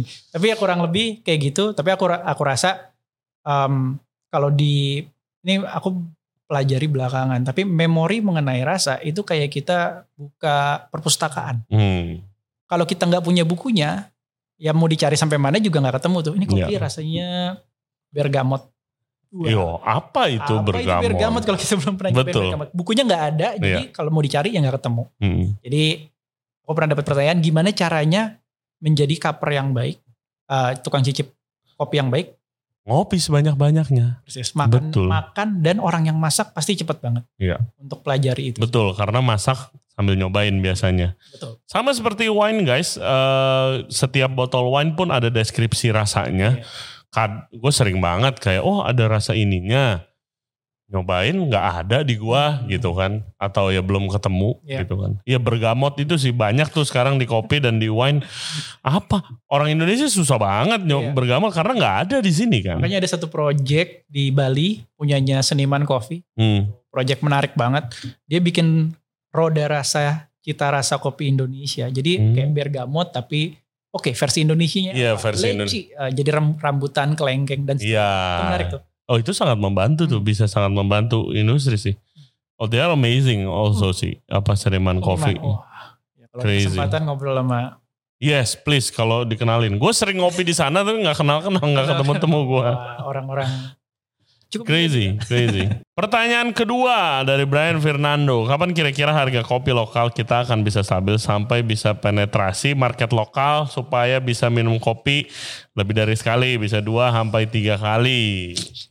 yang tadi sempat kita obrolin Iya. sebetulnya bersamaan dengan pertumbuhan ekonomi Indonesia dan, Dan pendapatan finansial ya. yang, pendapatan yang lebih besar Hmm. biasanya kita bisa akses eh, itu karena sebetulnya teman-teman di di mana-mana ya Hmm. ngopi tuh jangan-jangan udah dua tiga kali loh cuman bukan kopi arabica yang Iya. dijual Betul. di kopi-kopi specialty Mm-mm. coffee shop lah gitu tapi ya itu menurutku sih lebih karena daya beli kita Hmm. masih ada hal yang lebih penting dibandingkan beli kopi di harga eh, di atas let's say di atas 10.000 ribu Hmm. untuk dua kali tiga kali sehari Betul. Rada berat sih kalau misalnya lebih dari dari, dari dua kali ya. iya I cannot wait supaya Indonesia at that point sih. Tapi I think it will took years. Mungkin Iya. kita udah kayak kakek kali bro. iya Pertanyaan kedua dari dia juga. Woi banyak bener nih pertanyaan. Ke depannya processing kopi semakin banyak yang eksperimental. Apakah pengaruhnya ke market dalam limbahnya mempengaruhi alam? Hmm, ini isu yang menarik ya karena jarang iya. diangkat ini biasanya anak kopi nih kalau kayak gini Sudah pasti. dan sudah ngerti processing apa apa limbahnya? jadi permasalahan utama dari kopi itu limbahnya apa processing kopi? Gue bingung. permasalahan besar dari industri kopi adalah eh, kalau di hulu ya Iya. itu sampah ini nih Sampah kulit dan daging. sampah kulit dan daging dan kalau itu biasanya solusinya sederhana tuh dikomposkan Iya. tapi harus dilakukan Heeh. kalau enggak dia jadi tempat bertelurnya istilahnya coffee berry borer jadi kayak serangga kecil Hama. ya hama eh, oh. ya bertelur di dalam kop- kopi ketika fase awal pertumbuhan biji kopi terus mengurangi yield lah secara sederhananya ketika nanti dipanen Hmm. tapi yang tadi dia tanyain Mas Brian ya Hmm. eh, itu mengenai limbah yang tercipta pasca eh, ketika pengolahan pasca panen. Iya, Jadi tadi kan aku cerita kopi itu difermentasi terus dicuci iya. ya kan biji kopinya. Nah hasil buangan cucian kopi itu seperti hasil fermentasi pada umumnya itu mengandung banyak microbes, banyak yeast, banyak bakteri Mm-mm. dan dia sudah terduplikasi, udah beranak pinak, Iya. jadi banyak banget dan Hmm. kalau itu dibuang ke perairan terbuka itu ada yang istilahnya BOD, biochemical oxygen demand. Jadi Oh, dia makan banyak oksigen, jadi di perairan terbuka. jadi, kurang oksigen, Persis. bisa matiin Persis. eh, habitat di sana. penelitian-penelitian kayak gitu di Kolombia banyak banget tuh. Jadi Oh, kop- kebun Wow. kopi arabica tuh di ketinggian 1200 sampai misalnya 1600 gitu ya. Nah di sungai di ketinggian itu itu nggak ada ikannya. Karena oksigennya kurang Eh, dimakan, di, di agak di bawahnya sedikit Iya. karena dibuangnya ke sungai. dimakan hama oksigennya diserap sama si bakteri tadi. Eh, ini Kan gue tahu karena gue eh, hobi ikan nih guys. Iya. Tapi itu keseimbangan alam kan. Heeh, Kalau kita ngebuang apa pun, alam tuh pasti netralin. heeh. Nah cuman ketika kita buangnya di jumlah yang sangat besar, itu nyedot semua resource yang ada di alam. Betul. Nah, itu tantangannya di industri kopi. Nah, eksperimental-eksperimental itu itu eh, proses yang diulik lah sebetulnya sama teman-teman prosesor, makanya istilahnya eksperimental dengan menggunakan eh, ragi-ragi yang komersial yang biasanya dipakai di industri wine. Hmm. Ini sebenarnya Tapi jadi nggak organik. Ada lagi nanti Persis. komplainan-komplainan yang lain. sama dong. itu compete dengan local microbe Iya. dan seterusnya lah. Padahal yang kita pengen kejar kan terroir sebuah Hmm. daerah menciptakan Biodiversity. flavor notes Iya. yang unik gitu. Hmm. Ya, itu kan sebenarnya mirip lah sama industri bir atau industri wine Iya. yang tadi commercial yeast or natural yeast. Iya. Ya, dan dan begitu dan seterusnya. Tapi di kopi yang yang krusial yang harus diingat kopi di Indonesia itu dikerjakan sama mungkin hampir satu setengah juta rakyat. Wow. Jadi kontrolnya sangat susah dilakukan. Ketika kontrolnya sangat susah dilakukan, ketika kita mengintervensi dengan pendekatan yang harus fully control, Hmm. eh, itu biasanya keteteran. Iya.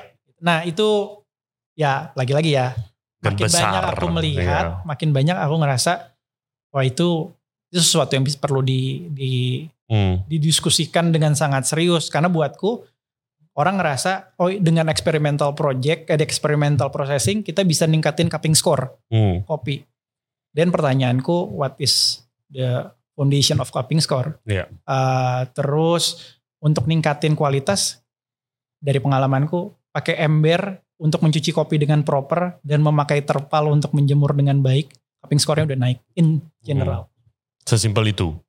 Untuk mencapai gourmet level Ya, uh, beda super lah. sangat Iya beda lah. eksotik mungkin Uh-uh, beda tapi uh-uh. kalau tujuannya adalah untuk ningkatin kualitas Cupping kopi rata-rata pengetahuan dan sedikit aksi udah cukup kok Iya dan apply ke sesuai eh, tempatnya juga, Betul. jangan pukul rata semua, of Betul. course. I think masalah-masalah seperti itu yang tadi bakteri itu, itu tugasnya siapa yang bisa jelasin eh, itu ya? Um, FDA FDA FDA.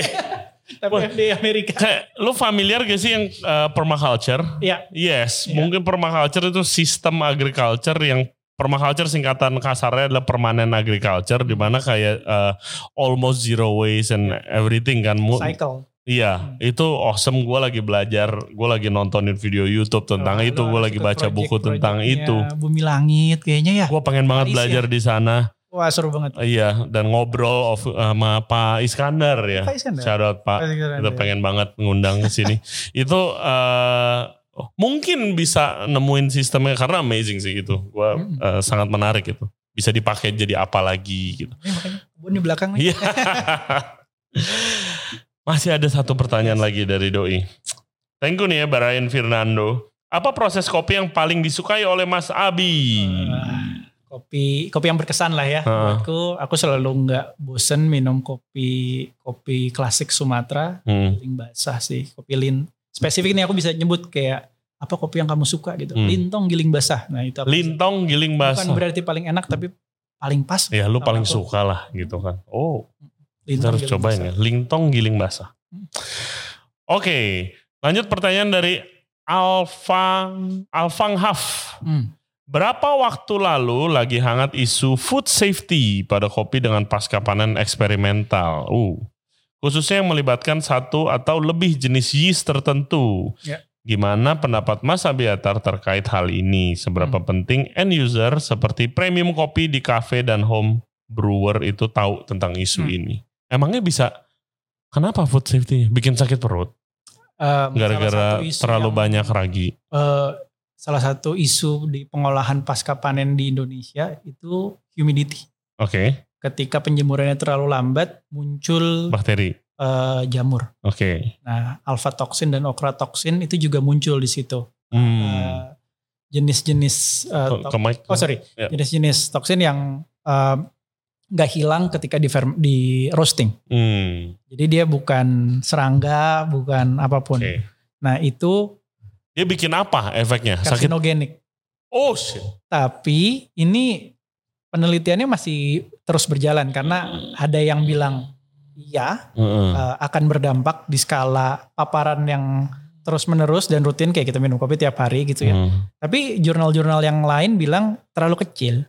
Iya. Kayak hmm, kayak sianida di tomat gitu. Iya, cyanida di tomat, di keluak, di Di singkong. Iya ya. gitu. Ya kayak ada tapi bukan berarti kopi sianida gitu. akhirnya akhirnya ke sono guys. Tapi By the ya way gitu. lu nonton gak di Netflix itu? Gua. Nonton, nonton. Oh lu nonton, gue belum Nonton. sih. Gara-gara istri nonton terus ya. Oh iya iya. Oh itu itu polemik yang apa waktu Wah, itu seru ya. Berjilid. captivating. Waktu itu gue lagi kuliah di luar Hmm. ya gitu ngikutin tapi balik oh ada permasalahan kayak gini. gua kebetulan eh salah sa- eh, bar eh, bar manajernya di sana itu pernah kerja sama gua di restoran sebelumnya. Waktu itu waktu kasus itu terjadi guys, kita gue lagi buka restoran lagi ada restoran tuh gua di restoran Indonesia. Terus habis itu dia main ke restoran deket-deket kasus itu terjadi. Eh, sekitar kayak sebulan lah baru lagi rame-ramenya tuh gue nanya gosip underground. Iya, gua Gua- nanya, gua nanya. Karena itu kasus kalau nggak salah itu apa sih ice coffee atau Vietnamese coffee atau Iya, iya, iya. Kayaknya. Dipesenin terus dia minum. Yes. Terus, ya. Eh, that product lah, gue lupa. Let's say itu Vietnamese coffee misalnya. Eh, gua nanya, jadi nggak laku dong, jadi sepi dong. Enggak coy, malah nyari. Satu bulan bisa hampir 10 ribu cup, Wah. malah cuan. iya. That's the apa ya crazy. Still publicity. unique of Indonesia market. Jadi urusan eh, beginian kayaknya eh, efeknya mungkin minimal ya. urusan eh, bakteri dari yeast dan Hmm. mold ini. Hmm. Dan kalau ngomongin karsiogenik ya kopi kan biasa ambil ngerokok ya. Sulit juga. Oke. Bi, thank you banget Makasih atas juga. waktunya seru banget. Sebenarnya gue masih mau ngomongin banyak banget eh, tentang ini Panjang ya. project lu yang di eh, Flores dan sekitarnya. Kita failed attempt ke sana nyari Ya. sponsor nih guys, gila gak dapet dapet. Gue pengen ngunjungin eh, ini apa eh, processing kopinya banget. Adena di eh, ND ya, di ND. Flores itu menarik tuh karena kalau ngobrol sama Bu Heli, Bu Heli cerita Flores itu regenerative farming Iya, in general. betul. Uh. Kita pernah ngomong juga sama eh, Tara, dapur Tara. Ah, iya iya iya iya. iya. Eh, di mana kayak wah dia, dia waktu itu udah happy banget gue mau ke sana bilang gitu. anyway, nah sama other time, sama Ya. other time. Thank you banget Bi sekali lagi ya sukses buat banyak. Sasi dan Adena. Salam ke partner lu dan juga Bang Fahman of course. Eh ya keep doing awesome work lah. Makasih banyak. Thank you guys buat yang udah nonton dan yang udah dengerin podcast kita. Rada panjang nih ya satu setengah jam. Ini di editornya puyeng ini. Eh, thank you banget yang buat buat yang udah dengerin dan yang udah nonton podcast kita. Eh, check out Adena Coffee di Instagramnya Adena Coffee ya. Ada kopi. Eh, ya siapa tahu kalau mau order Ya, bro. green beans di sana dan juga Sasih Coffee di Kopi Sasih. Hmm, Lo ada IG gak? ada Eh, di Hieronymus Abi. Apa sorry? Hieronymus Abi. Hieronymus Abi. Bisa cek di YouTube buat spellingnya. Eh, ya siapa tahu mau diskusi, mau Ya, kerja sama, ada proyek lagi aja, di main-main, daerah Ngopi bareng, go ahead. proyek lagi di daerah terpencil mana lagi ya kan? Siapa tahu. Eh, thank you banget. Eh, jangan lupa subscribe di Regents Radio di YouTube Spotify all other podcast platform. Follow kita di Instagram Regents Radio dan juga di TikTok. And Thank you very much. We'll see you next time. Kasih. Bye bye. Thank you banget. Wah, terima kasih banyak Ray. Thank you.